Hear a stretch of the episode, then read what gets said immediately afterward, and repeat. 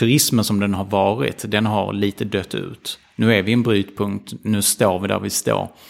Nu har vi en möjlighet att starta på nytt. Och där ser jag att många företag nu har anammat ett nytt perspektiv. Och det är det hållbara perspektivet vill jag säga.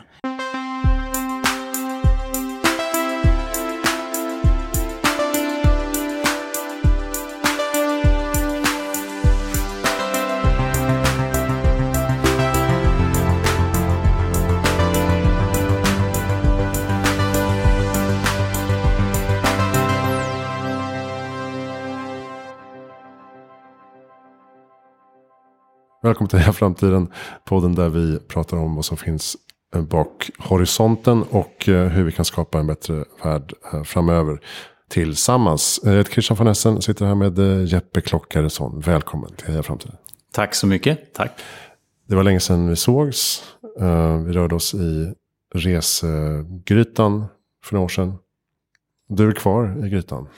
Det kan man väl säga att man var. Det kom ju liksom en, en liten pandemi däremellan på typ ett och ett halvt år som gjorde att det mesta stannade upp. Men, men, men jag är kvar, men naturligtvis har ju pandemin inneburit att man har fått byta lite spår. Jag kommer ju primärt då ifrån det internationella perspektivet och det är ju så som, som vi har träffats och pratat ganska mycket tidigare. Mm. Eh, men när pandemin, eller rättare sagt jag skulle säga att innan dess så kom det ju lite att jag ställde ju om eh, mer till ett, vad ska man säga, nationellt perspektiv. Eller ett bredare perspektiv, att då även in, inbegripa besöksnäring. Så senaste tiden så har det blivit mest fokus på svensk besöksnäring. Okej. Okay.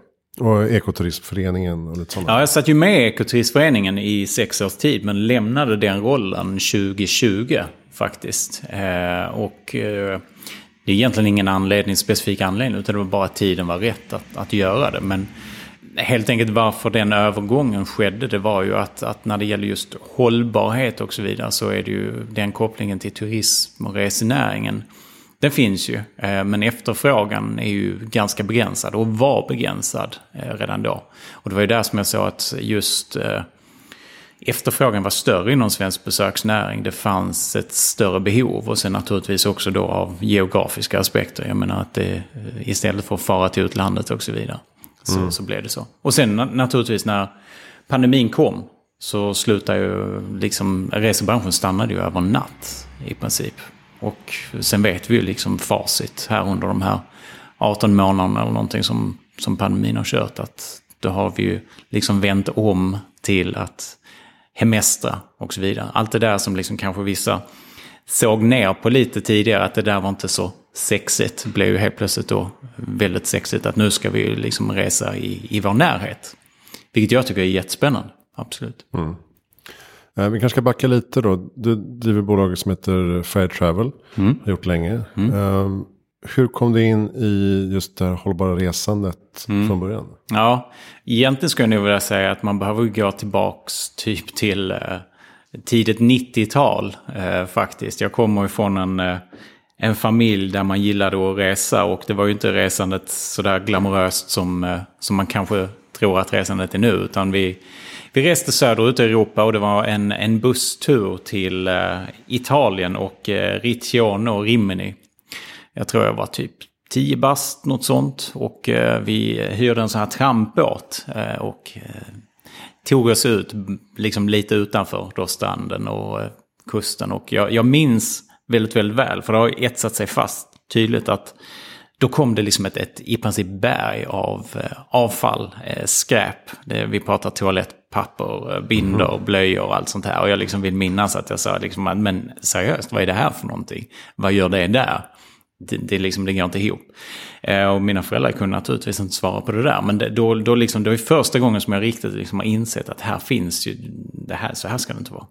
Spola fram eh, bandet. Eh, resandet var någonting jag ville fortsätta att göra. Och jag växte upp i Ystad och när jag slutade gymnasiet så ville jag bara komma ifrån Ystad. Jag ville ut och resa med, med ryggsäcken, vilket jag gjorde sedermera. Eh, och kom till Sydostasien och alla de här ställena. Liksom man vill ju uppleva det här fantastiska, orörda, det främmande. Och vilket man gjorde. Men det som uppdagades för mig, det var ju att, att jag, jag tyckte mig se att det fanns en baksida kring detta också. Ett, ett problem. Eh, hur påverkades lokalbefolkningen? Varför, varför, var, varför ler inte lokalbefolkningen mot mig liksom, när jag kommer här med, med mina pengar och mina upplevelser och så vidare? Eh, så de, under alla de resor som jag fortsatte göra, för jag fortsatte som backpacker i ganska många år, Eh, så etsade detta sig fast mer och mer. Att det fanns just den här baksidan. Ehm, men jag insåg också att jag kan ju liksom inte hålla på och, och eh, resa runt i världen eh, hela mitt liv. Jag måste ju växa upp och jag måste ju skaffa mig en utbildning och så vidare. Och då var det en före detta reskamrat till mig som hade börjat plugga någonting som heter turism och service som frågade mig, är inte det någonting som du ska hoppa på? Tja, kanske det. Vilket jag gjorde. Sagt och gjorde. Där satt jag i, i bänken och eh, kom vi kanske in med ett annorlunda perspektiv in i de här sakerna än vad mina klasskamrater gjorde. Så jag började ställa lite kritiska frågor till lärare, gästföreläsare och så vidare om just de här baksidorna. Det var ingen direkt som kunde svara på detta. Så ja, för då pratar de inte om hållbarhet på det sättet? Nej, alltså detta är ju 2002, 2003, 2004. Eh, man, man pratar ju kanske lite om miljön, men alltså det som framhävdes var ju de positiva sidorna av, av turismen. Men jag ville då liksom grotta ner mig lite i att ja, men det finns ju en baksida också. Hur jobbar man med det? Men det var ingen som kunde svara på det. Svaret jag fick var då att det var ekoturism. Ekoturism är svaret på detta. Eh, mm. Och då frågade jag ju naturligtvis, vad är det för någonting? Och det var ingen som kunde svara. Och då satte jag det som min målsättning, att jag skulle ta reda på vad ekoturism var för någonting. Så jag gjorde min, min LIA på ett, jag kom i kontakt med ett norskägt företag som heter Basecamp Explore och gjorde då min trainee i Masai Mara i Kenya. Så jag var där en dryg månad och fick då se vad hållbarhet och ekoturism framförallt innebar i praktiken. Så där liksom gick det upp för mig. Eh, där, där hamnade liksom de här pusselbitarna på sin plats. Att där såg jag att resande faktiskt kan ha en positiv påverkan på platsen som man besöker. Och sen så är det. Jag började jobba för detta företaget. Jag flyttade till Stockholm.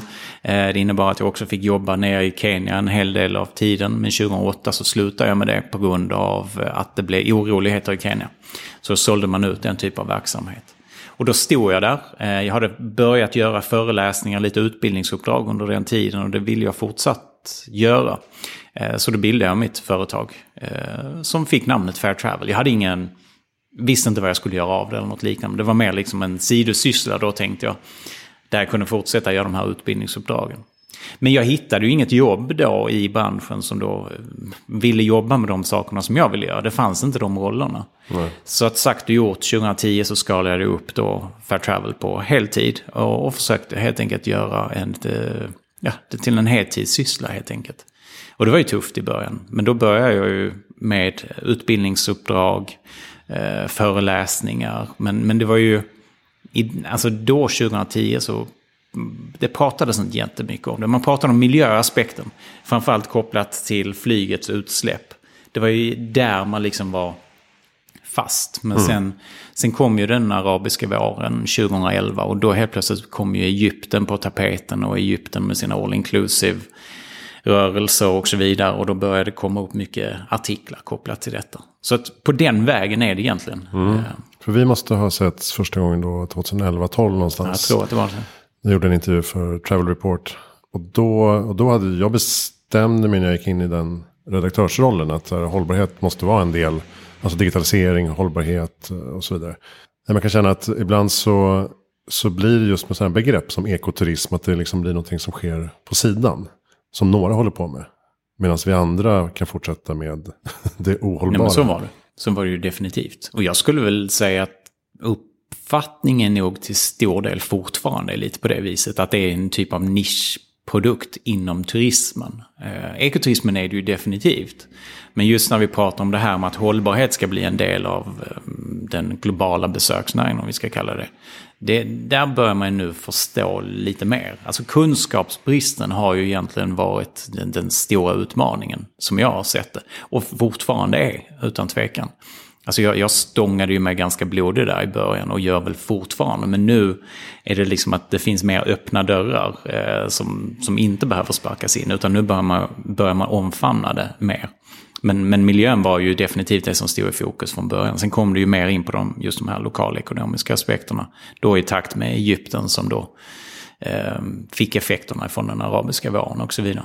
Ja, och så kom organisationen Schysst Resande. Det kom den här boken Välkommen till Paradiset. Det Exakt. blev en lite sån yes. motrörelse kan man säga. Helt klart var det så. Jag, jag, skulle ju nog säga att det var en kombination av väldigt många saker. Ehm, jag tror att just eh, boken Välkommen till paradiset Eh, den kom ju väldigt rätt i tiden. För den kom ju då i princip i samband med den arabiska våren. Jag tror att kanske boken kom 2010 och sen så var detta 2011. Så att det blev, blev ju liksom en liten effekt på det. Det var också då man började se liksom artiklar i tidningar och det var ju inslag i nyhetsprogram och så vidare. Där man då började beröra just det här med eh, de pratade om schysst resande, de pratade om etiskt resande. Hållbarhet vet jag inte om de, om de riktigt använde på det viset. Men det, det, det, var mycket det som... Det blev en liten effekt av det utan tvekan. Men nu så är du delaktig i att utbilda morgondagens turismarbetare. Vad säger man? Turismproffs på, eh, inom just hållbart resande. Mm. Um, hur ser dina uppdrag ut där nu? Jag försöker faktiskt komma bort lite mer ifrån de bitarna. Eh, och, och, det är liksom inte att jag inte gillar det, men det, det är mer att jag, jag, vill ha en lite ny utmaning. Jag vill liksom inte bara predika hållbarhet, jag vill också praktisera, skapa hållbarhet av det. Men fortfarande gör jag uppdrag inom den, eh, den biten, för jag, tror, jag ser det som väldigt, väldigt viktigt. Eh, och jag vill väl påstå att jag har varit ganska drivande också i att, att få in hållbarheten i skolor och utbildningar. Och det har ju blivit hela utbildningar av det också. Ehm, men vad jag vill säga med det är ju att när pandemin slog till, då var det ju en utbildningsanordnare som kontaktade mig eh, och då liksom förhörde sig, kan vi med kort varsel liksom slänga ihop någon typ av utbildningsprogram här? För att nu ser vi ju en, en möjlighet i att kanske folk blir friställda från arbeten eh, och så vidare. De, de får liksom ägna tid under sin arbetstid till att utbilda sig. Eh, det sagt och gjort eh, så gjorde vi ett slag i saken. Jag slängde ihop ett utbildningsprogram som då bygger på en, eh, ja, en metodik. Eh, ett officiellt utbildningsprogram som är framtaget från en organisation som heter The Global Sustainable Tourism Council. Så jag liksom eh, sammanförde de här parterna eh, och eh, vips så hade vi skapat ett utbildningsprogram då riktat mot branschen, men framförallt då branschdeltagare i ledande positioner. Och vi gjorde ju tre stycken utbildningsomgångar. Så i princip hade vi väl ja, nästan hundra deltagare från branschen som då eh, gick den här utbildningen. Det var väldigt inspirerande för mig för att det är egentligen första gången som jag har fått jobba med branschdeltagare för att liksom diskussionerna blir ju mycket mer verklighetsförankrade. Att de kommer ju med sin bakgrund in i detta och kan sätta det in i konkreta sammanhang. Mm. Man kan ju diskutera konkreta exempel. Så jag fann det väldigt, väldigt inspirerande och jag fick lite blodad tand av det. Sen blev det ju så att det fick inte förnyat på grund av att myndigheten gav inte då beviljat. Det här är alltså yrkeshögskolor? Exakt, och då yrkeshögskolor. är det bara två, två år i taget? Eller vad är det? Ja, nu, jag kan inte exakt alla detaljerna, men jag vet att de fick beviljat tre stycken uppstarter. Mm. Var det. Um, så att det, det gav ju mig en, en, liksom en, en, motivation. Men det gav också mig på något vis en bekräftelse på det som man har kämpat med sen typ 2005 eller något liknande. Att tiden nu är rätt. Nu tvingades vi in i en pandemi, vilket då innebar att nu blev det ett standstill. Alltså en, lite av en brytpunkt. Och jag vill ju mena på, jag sa det redan då, och jag, jag står fortfarande vid att turismen som den har varit, den har lite dött ut. Nu är vi en brytpunkt, nu står vi där vi står. Nu har vi en möjlighet att starta på nytt. Och där ser jag att många företag nu har anammat en, en, ett nytt perspektiv. Och det är det hållbara perspektivet vill jag säga. För att jag tycker att man har fått mer kunskap inom området och ser att det är nu som vi, nu har vi möjligheten att göra någonting. Mm. Sen får vi se vad det blir. Men kunskapen har ju varit det som har varit bristande där man många gånger har sett att många av de här framtida medarbetarna i branschen är de som har kommit in med mest kunskap och går in i en bransch där den kunskapen inte direkt omfamnas eller får, får liksom eh, bekräftelse i form av att man sätter det i bruk. Nu ser jag kanske att genom att vi börjar utbilda uppifrån, alltså bland ledare och så vidare, så hoppas jag att det kan få en, en större förändring. Så att då även de som kommer underifrån kan då blomma ut och verkligen få, få göra slag i saken av den kunskap och passion ja, som det de jag tänker också, de som kommer från yrkeshögskolan som är unga och tycker att det här är självklart. Och så kommer de in i organisationer och börjar ställa krav, krav. kanske. Det är det man hoppas också. Ja, det hoppas man. För att jag har ju, jag, jag, nu kan jag inte säga hur många som jag har utbildat under alla dessa år, men jag har ju sett otaliga personer som verkligen brunnet för de här sakerna komma in i branschen, men där den där glöden liksom på något vis släcks. Att den, den, det tas död på den, att den finns inte där. Mm. Och det, det, tycker jag är otroligt synd att det blir så. Men nu tror jag att man kommer att se den här tillgången på ett helt annat vis. Vad eh, är hållbar turism och finns det? finns det överhuvudtaget? Ja, alltså för det första så jag, jag är själv ganska restriktiv med att eh, använda begreppet hållbar turism. För att för mig så på något vis visar det att det är ett färdigt stadie. Jag pratar hellre om hållbar turismutveckling. För att, och det, det grundar ju sig i, i ursprunget eh, hållbar utveckling som de myntades 87. Det vill säga att det är liksom ett, en utveckling som då eh, möjliggör dagens eh, behov utan att äventyra kommande generationers möjlighet att äventyra sina behov. Så att det är ju den här långsiktigheten eh, som jag är ute efter. Att det, är, det är ju en process, det är ju någonting som, som har en början men det har inget slut. Och det handlar ju inte om punktinsatser. Så det, det, är lite det som, varför jag inte vill prata hållbar turism som begrepp. Men i grunden så, så på frågan, finns det? Ja, det finns utan tvekan. Eh, men det finns också väldigt, väldigt mycket ohållbar turism. Eh, och det är ju det som vi behöver förändra. Eh, vi behöver ju framhäva de här positiva aspekterna. Och jag tycker att det på något vis började visa sitt ansikte redan under 2019, 2018 när hela den här flygskamdebatten kom fram. Jag minns ju att det, det, var typ en handfull olika researrangörer runt om i Norden som, som hörde av sig till mig och bad mig om tips och råd. För hur ska vi kunna argumentera och motivera för våra kunder att inte boka av sina resor när dottern i familjen, tonårsdottern i familjen då säger att jag vill inte åka på den resan för att det kommer ha en negativ påföljd på miljön och så vidare. Hur ska vi hitta argumenten? Mm. Och jag tycker att det på något vis visar på svagheten i branschen också. Om du inte känner till din egen produkt och vad den produkten då har för positiva effekter då har vi ju ett problem. Att du måste ju själv kunna hitta dina argument till att de bemöta detta. Så att det, det på något vis belyser att kunskapen för vad hållbarhet innebär, men också kanske då att man inte har tillräckligt mycket koll på, på vad det är man faktiskt säljer. Det ser jag som, som det stora problemet här. Men det är ju kanske också den stora utmaningen, men det är också där vi kan börja göra en förändring. Mm. Jag är en superstor hycklare i det här sammanhanget. Uh, jag, och min fru älskar ju all inclusive resor. Vi, alltså tre barn, mm. eat what you want. Liksom, mm. håller inte på, vi håller inte på med notor hela tiden. Mm. Utan vi köper ett paket, mm. vet vad det kostar. Uh, får precis vad vi mm. vill ha. Varför är all inclusive turismen så problematisk? Ja, alltså jag, jag, tror att först och främst så ska man eh, ha klart för sig att det är ju inte all inclusive konceptet i sig som är ett problem. Utan det handlar ju om hur du egentligen bygger upp det. Alltså, ett, ett, eh, all inclusive-konceptet ser du ju egentligen om du köper en safariresa också. För mm. där har du ju många gånger då eh, boendet, du har transporterna, du har aktiviteterna och många gånger maten och till och med drycken inkluderat i detta. Så det är ju ett all inclusive-koncept. Men många på något vis snöar in på den här bilden som du målar upp här, att, att det är så det ska se ut och så vidare. Och att det då är kopplat till problematik eller att det är kopplat till att det där är inte hållbart. Du kan ju utveckla det på ett hållbart sätt. Jag menar om, om du bygger det på att du köper in produkterna, eh, ingredienserna, tjänsterna och så vidare lokalt. Eh, du ser till då att personalen som jobbar på det här all inclusive-hotellet eh, är lokalanställda som får då skäliga löner utifrån då arbetsrättsliga förhållanden och så vidare. Du kanske till och med erbjuder gästerna att x antal gånger under sin vistelse så kan man då eh, gå utanför komplexet och inta sina måltider på olika restauranger. De aktiviteter som då marknadsför som man då kan köpa in sker genom olika lokala entreprenörer. De här entreprenörerna får då finnas i verksamheten.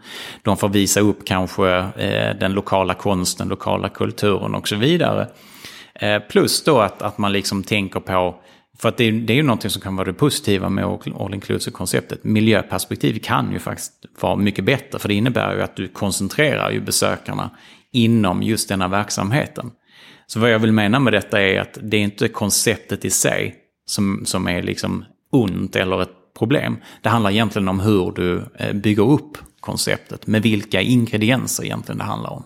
Jag kommer ihåg när jag jobbade med det här att jag efterfrågade någon slags eh, certifiering som man som kund kan, kan se att det här paketet är eh, liksom mer hållbart än det där. Det här är mer grönt än det där. Finns det någon sån uh, märkning idag?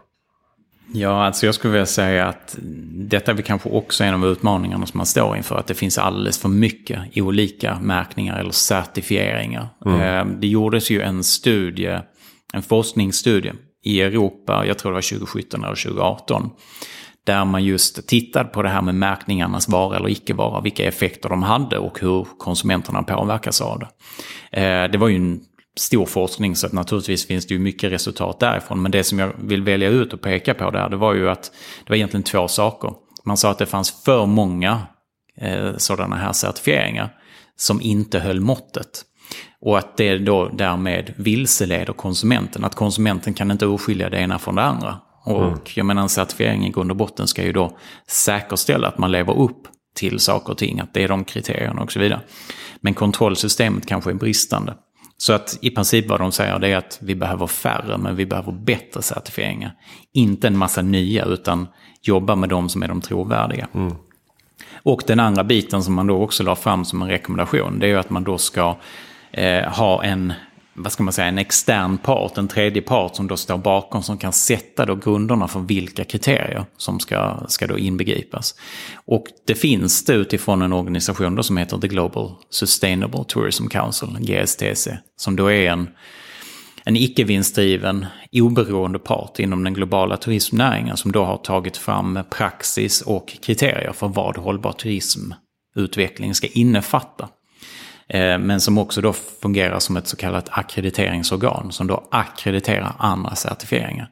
Så certifieringar finns, men det finns ju en sån otrolig mångfald utifrån ett globalt perspektiv. Så att jag tror att mångfalden blir ett, ett hinder för att om konsumenten ska hitta rätt i det så krävs det ju att konsumenten känner till alla de här sakerna. Ja, för något, något är för hotellen, någon är för stranden mm. och så vidare. Ja.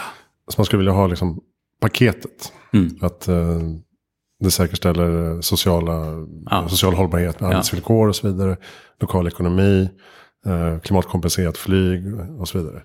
och där, och där, där kommer du in på egentligen nästa aspekt i det här med vad, vad hållbarhet innebär. Att det, alltså många på något vis fastnar ju att det är miljöperspektivet som det är. Men det, det är ju allt det där som du tar upp. Att det, vi har, jag pratar ju oftast och utgår från den här People Planet Profit-modellen. Mm. Att people, då är det liksom människan som står i fokus. Det är liksom de sociala aspekterna, de kulturella aspekterna. Mänskliga rättigheter, eh, hälsa, eh, välmående, alla de sakerna. Sen planet, då är det ju liksom miljön, den biologiska mångfalden, eh, naturen, haven, alla de sakerna. Och sen så då profit, det är, ju, det är ju ekonomin. Vi behöver ju tjäna pengar. Pengar är ju det som, får, som finansierar alla de här insatserna.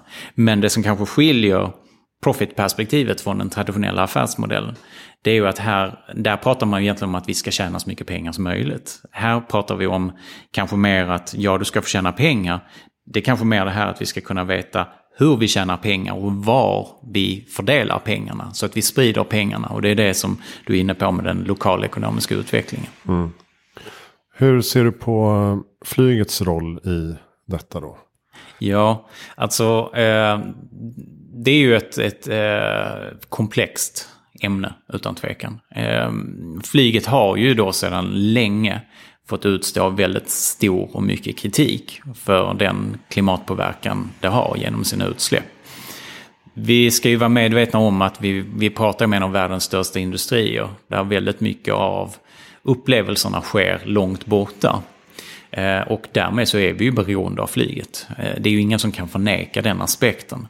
Det är ju det som jag tycker lite saknades i flygskam-debatten. Eh, jag tycker liksom att, att allt allt det som Greta Thunberg gjorde, allt det som, som hon fortfarande gör är, är storslaget och jag beundrar henne för det. Jag tycker liksom att hon är en av de viktigaste personerna som vi har haft i hela den här utvecklingen.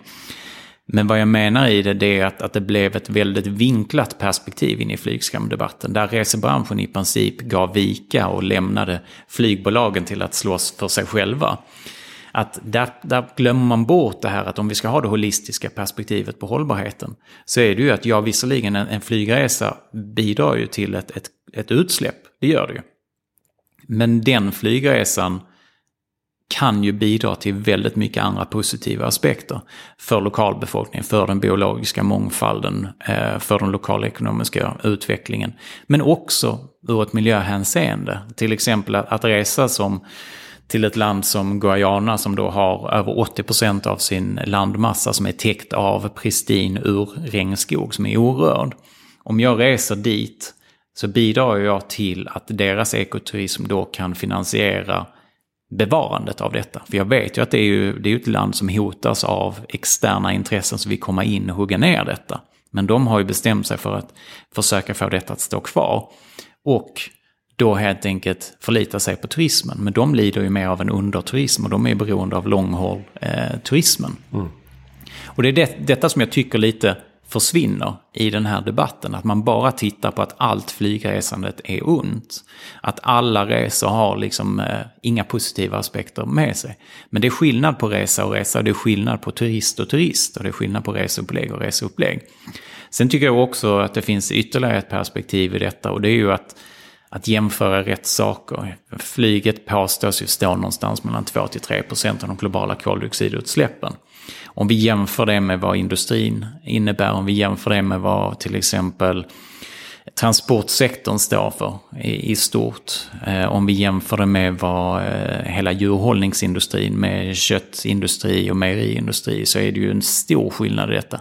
Så jag menar att vi behöver ju ta ett helhetsgrepp kring detta. Vi behöver se helheten i det. Och jag menar ju också då i, i sammanhanget, ja vi är beroende av flyget. Flyget har en viktig roll att spela. Men vi behöver begränsa vårt flygande väldigt mycket. Och jag tror att ett sätt att göra det, att, att skapa den här begränsningen för att, nu, nu, det var det jag skulle säga innan, om man tittar på data från 2017, så allt det flygresande som gjordes under hela året 2017 så var det 3% av världens befolkning som stod för alla de flygen. Så det är ju en klassfråga också, det är ju många som reser och gör väldigt många flygresor varje år. Eh, så att vi behöver ju begränsa det, men framförallt så tror jag också att, att eh, kostnaden, priserna på flyget måste bli mycket, mycket högre. Så att de också bär sin klimatpåverkan. Jag tror att man kan få till en utveckling där vi ser en hög andel biobränsle. Och så kombinerat med att elflyget växer fram. Ja, alltså det, jag är ju en, en stark troende i teknikens utveckling. Och jag är en stark troende också i, att, i människan att kunna hitta lösningar. Eh, biobränsle är ju en sådan fråga. Biobränsle är ju också samtidigt en Eh, Eh, en fråga som inte bara är kopplad till utmaningen att det är dyrt. För att vi pratar ju någonstans till 3-5 gånger så dyrt som det vanliga bränslet. Och är konsumenten beredd att betala för de sakerna? Eller behöver det subventioneras? Men sen är det ju också att vad ska vi tillverka biobränsle av? Eh, man har ju snöat in ganska mycket på att man ska göra biobränsle av eh, skogsavfall. Men skogsavfall i så fall kommer ju till för att vi i så fall ska avverka skog. Så det är ju inte heller liksom den kanske mest hållbara vägen att gå. Sen finns det ju andra alternativa källor också i form av ja, använd frityrolja och så vidare. Sen är du inne på elflyget. Det, det, det, tror jag jättemycket på, men det kommer ju inte ersätta långhållflyget utan det är ju mer mm. korta, korta distanser. Eh, så att jag, jag, tror på teknikutvecklingen, men jag tror samtidigt att de prognoser som visas, eh, om än att flyget idag står någonstans mellan 2-3% av de globala koldioxidutsläppen, så säger ju prognoserna att den siffran kommer att gå till 22% 2050. Så det, det, visar ju på att vi behöver göra någonting, vi behöver ju begränsa detta. Så jag, jag tror liksom att, att eh, beskatta flygbränslet är ju en bra början. För det är ju, jag menar, ett avtal från 1944 som, som begränsar oss till, till de sakerna. Så att mhm. få i alla fall de olika transportmedlen att, att eh, konkurrera på lika villkor. Hur kan man tänka som vanlig konsument och resenär i de här frågorna? Eh, det är där som jag tycker att det börjar. Att vi, och det är ju egentligen där hållbarheten börjar. Att är det någonting jag kan ta ansvar för så är det ju liksom mina egna handlingar. Det är det, det, det, är det grundläggande. Eh, vi som konsumenter, vi behöver ju bli mycket mer pålästa. Men sen samtidigt så vill man ju som konsument att det ska vara lätt att göra rätt. Eh, och att lätt att göra rätt innebär att alla behöver ju ta sitt ansvar i hela kedjan. Ehm, är certifiering en lösning? Ehm, det kan vi diskutera. Men om alla börjar liksom i kärnan, om du börjar titta på destinationen, att destinationen börjar att då eh, helt enkelt eh, ta hand om destinationen. Att, att förvalta destinationen, ta hand om lokalbefolkningen. Att vi först och främst har perspektivet att om vi skapar en bättre plats att bo på kommer det också bli en bättre plats att leva på. Att lokalbefolkningen får säga till om hur turismen ska utvecklas och vilken typ av turism man ska ha.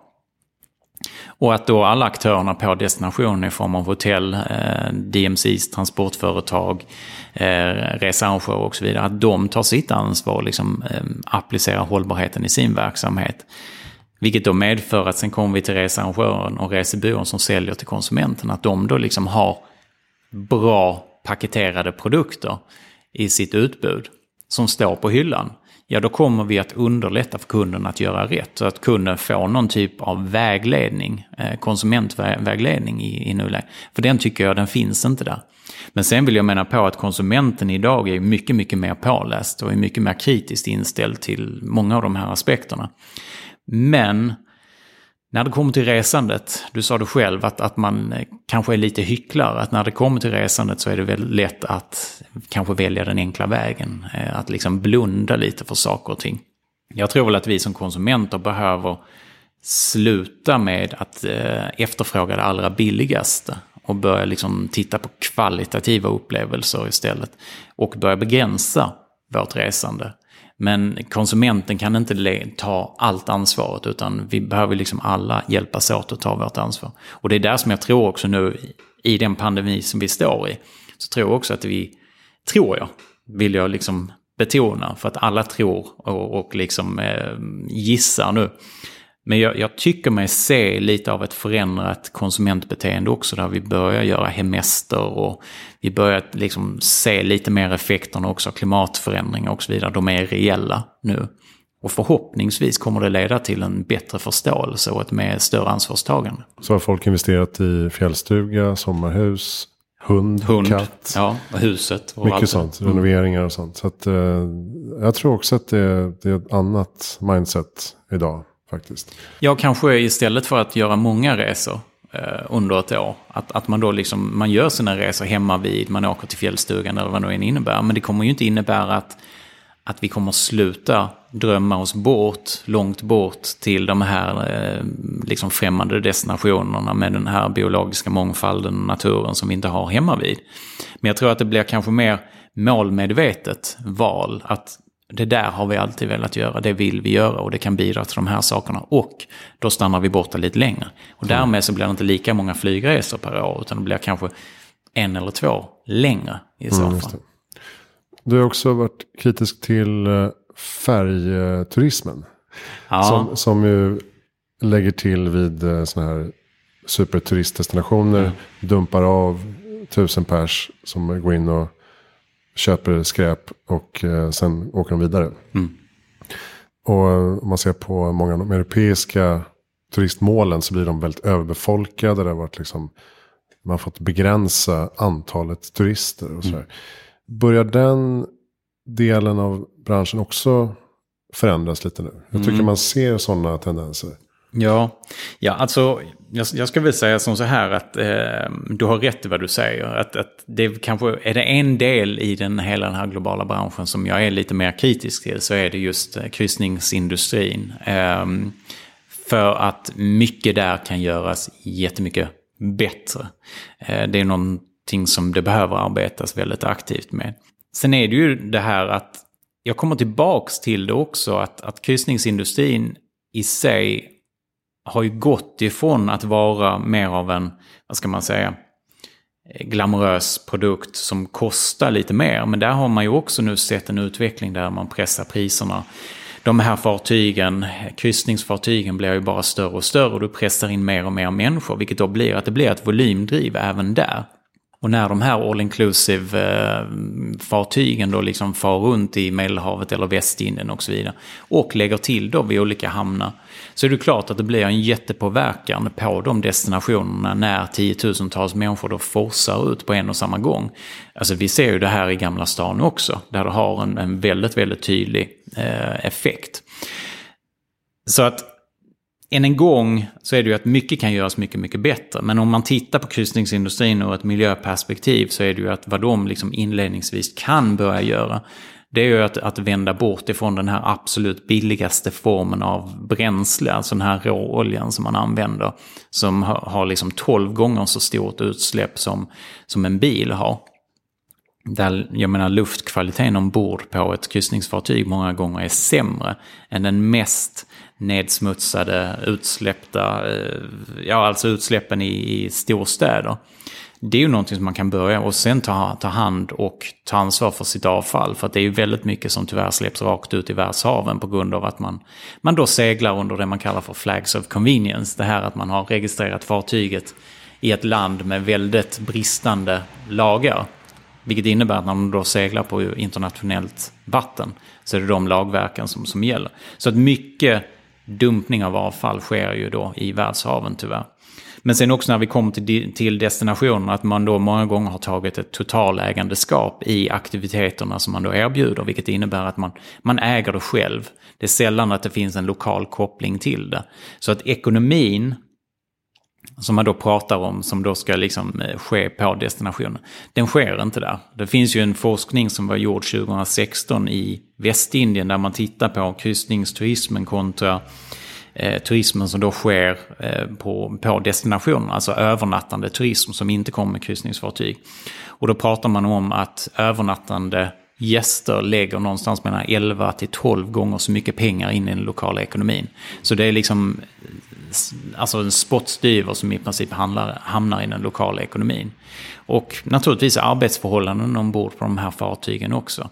Så att jag tycker ju också att det är ju inte bara kryssningsfartygen som ska bära all skam i detta. För att jag tycker ju också att destinationsbolag och destinationer behöver ju tänka igenom de här sakerna också. Mm. Vad blir effekterna av detta? Eh, varför lockar vi alla de här kryssningsfartygen till tidigare oss? Tidigare var ju det guld liksom. Oh, vi har Exakt. fått tre fartyg till som ja, kommer den här ja, veckan. Precis. Toppen. Och det, det, som jag bemöter när man frågar destinationer, och nu är det liksom inte så att jag har, har, frågat vitt och brett hur många destinationer som helst, men det är ju att många svarar egentligen att det är lite av en, en eh, vad ska man säga, en fjäder i hatten att man kan ha lockat till sig de här kryssningsfartygen. Och sen så när man då tar upp det här, jo men det är ju en väldigt liten ekonomisk eh, nytta för lokalsamhället. Det finns ju studier som visar på här i, i Östersjöområdet så pratar man om, om att en gäst lägger i snitt 250 kronor i den lokala ekonomin. Och då är det i princip på en kopp kaffe och en fika eller något mm. sådant. Men så frågar man varför liksom kämpar ni, kamperar ni för att ni ska få de här kryssningsfartygen hit? Jo men det är ju att, att man säger att jo, men det är en möjlighet för oss att visa upp vår destination. Så att de sen kan komma tillbaks och då stanna här längre och inte komma via ett kryssningsfartyg. Men det som då blir motsägelsefullt i det, det är ju att det också finns forskning då ifrån Västindien där man tittat på kryssnings Eh, resenärer. Som visar ett ganska tydligt mönster att de är ju väldigt trogna eh, och lojala mot just kryssningsindustrin. Så kommer man mot förmodan tillbaks till en destination så gör man det oftast i så fall med en ny kryssning. Och sen ska man ju då lägga till att många gånger så flyger du till en destination också, vilket då innebär ett utsläpp för att hoppa på ett kryssningsfartyg och så åker du kanske runt i Västindien och sen kommer du tillbaks och så flyger du tillbaks. Så att det är ju egentligen den, den vad ska man säga, jag, jag, vill inte använda ordet sämsta, men det är, ju, det är ju kanske den typ av resande som har störst utsläpp egentligen av, av alla typer av resande. Mm. Det är svårt att hitta de positiva eh, effekterna från den typen av resande. Ja, ja, men det är inte så många som tänker på det kanske. Eh, jag brukar avrunda med eh, frågan, vad är ditt bästa tips för att göra världen bättre i framtiden? Jag brukar ju säga en sak och eh, jag kommer väl att landa i det också. Jag behöver bara fundera lite på om, om, om jag på något vis ska tänka ut något mer. Nej men alltså hållbarhet börjar ju med individen. Det börjar med, med dig själv. Jag menar, är det på det här viset att, att vi vill uppnå en hållbar framtid för våra barn och våra barnbarn och så vidare. Så kan vi ju inte börja liksom peka finger på att det är någon annan som ska göra det åt oss. Utan det måste ju börja med att jag gör min grej. Jag ser min roll i det. Jag är en del av problemet men jag är också en del av lösningen. Så att jag måste börja göra en förändring. Och många gånger så hör man ju då att, att, att folk säger att det spelar ingen roll vad jag gör. Jo, titta på Greta Thunberg. det hon gjorde där fick liksom effekter globalt sett. Jag gillar ju det här uttalandet. Uh, If you think you're too small to make a difference you've never been in bed with a mosquito. Och det stämmer ju väldigt mycket. Att det där lilla kan ju liksom skapa hus i helvetet på Så att jag menar att det börjar med en själv. Om du börjar göra din sak och din grej så kommer det att få positiva konsekvenser. För att om du visar upp med ditt beteende hållbara aktioner så kommer andra att ta efter. Eh, men sen tror jag också att utöver det ur ett branschperspektiv så tror jag också, eller ur ett samhällsperspektiv så är det ju också att jag faller tillbaka på individen och människan. Att när jag pratade om den här People Planet Profit-modellen så sa jag liksom att det är ett holistiskt perspektiv på det, att alla delar är lika viktiga. Men jag tror att vi behöver börja med människan, att människan behöver liksom få kunskapen och förståelsen och insikten i vad hållbarheten innebär. För att genom den här insikten så får du också eh, då helt enkelt ett, ett, ett nytt engagemang. Och genom engagemang så kommer det leda till ytterligare eh, aktioner, att, att du gör saker och ting därefter. Så att människan behöver ju på något vis veta varför man ska rädda miljön och rädda jorden. Se sin koppling till detta. Och får vi den förståelsen, då kommer du ju därefter. Eh, alltså det, det, är ju, nu ska vi bara säga, eh, det finns ju också ytterligare ett sånt här uttalande. Tell me and I forget, uh, teach me and I remember, involve me and I learn. Att involvera människan i det att liksom få jobba med hållbarheten, då kommer vi att nå förståelsen också. Så det, det, det var kanske inte så kortfattat, men det är, det är så jag ser på det i alla fall. Jättebra. Har ni bra lästips på området? Oj. Um, det, det, är det ju definitivt. Vi pratade ju tidigare om... Eh, vi skulle ju skriva en bok ihop. Ja, precis. Så, så vänta, vänt, vänta på den när den kommer. Nej, men jag, jag, tycker att det skrivs mycket bra böcker, men det, utvecklingen går så otroligt snabbt. Och nu pratar jag ur ett uh, turistperspektiv. Mm. Så att mycket kan göras bättre. Så jag tror att det finns ett tomrum att fylla. Så den där boken som vi ska skriva, det är kanske dags att, att slå de där skallarna ihop och göra någonting åt det. Mm. Det blir dagens tips. Ja, precis. Vänta. uh, vem tycker att jag ska intervjua? Dan Jonasson. Mm -hmm. Skulle jag säga. Då, då, då, sitter du som ett frågetecken. Ja, Jaha, vem är det? Dan Jonasson är ju en person som jag ser som min mentor när det gäller det här hållbarhetsarbetet. Det är en person som länge har eh, kamperat för att då få ett genomslag att skapa just hållbarhet av det. Som, som har jobbat ganska mycket i skymundan, eh, framförallt i när det gäller ekoturism, eh, inom Ekoturistföreningen som eh, generalsekreterare under många år, men också då jobbat bland annat inom svensk besöksnäring i ställen som Region Västerbotten och eh, utvecklat då hållbarhetsfrågor där. Han har nu gått och pensionerat sig och ska skriva sin bok, men mm. han sitter inne på väldigt mycket kunskap som många skulle må bra av att få ta del av. Bra, grymt. Tack snälla Jeppe Klockarsson för att du kom till Heja Framtiden. Tack för att jag fick komma. Uh, och det hittar man på fairtravel.com? Nej, fair-travel.se. Okay. Ja, jag fick inte tag i den bästa domänen, men what can you do? ja, det är ett kryssningsbolag som har Där hittar du mer information om uh, Jeppes uh, kurser, föreläsningar. Ja, verksamhet. Lite sånt. Mm. Eh, Hejaframtiden.se hittar allt som jag gör med podden och böcker och magasin och föreläsningar. Eh, snart kommer då tredje utgåvan av Framtidens hållbara matsystem eh, som vi gör tillsammans med livsmedelsföretagen. Den kan vi kolla in. Och boken som heter Nu fattar jag tillsammans med Henrik Smålak från Under 15. Jag heter Christian von Essen. Tack för att du lyssnade.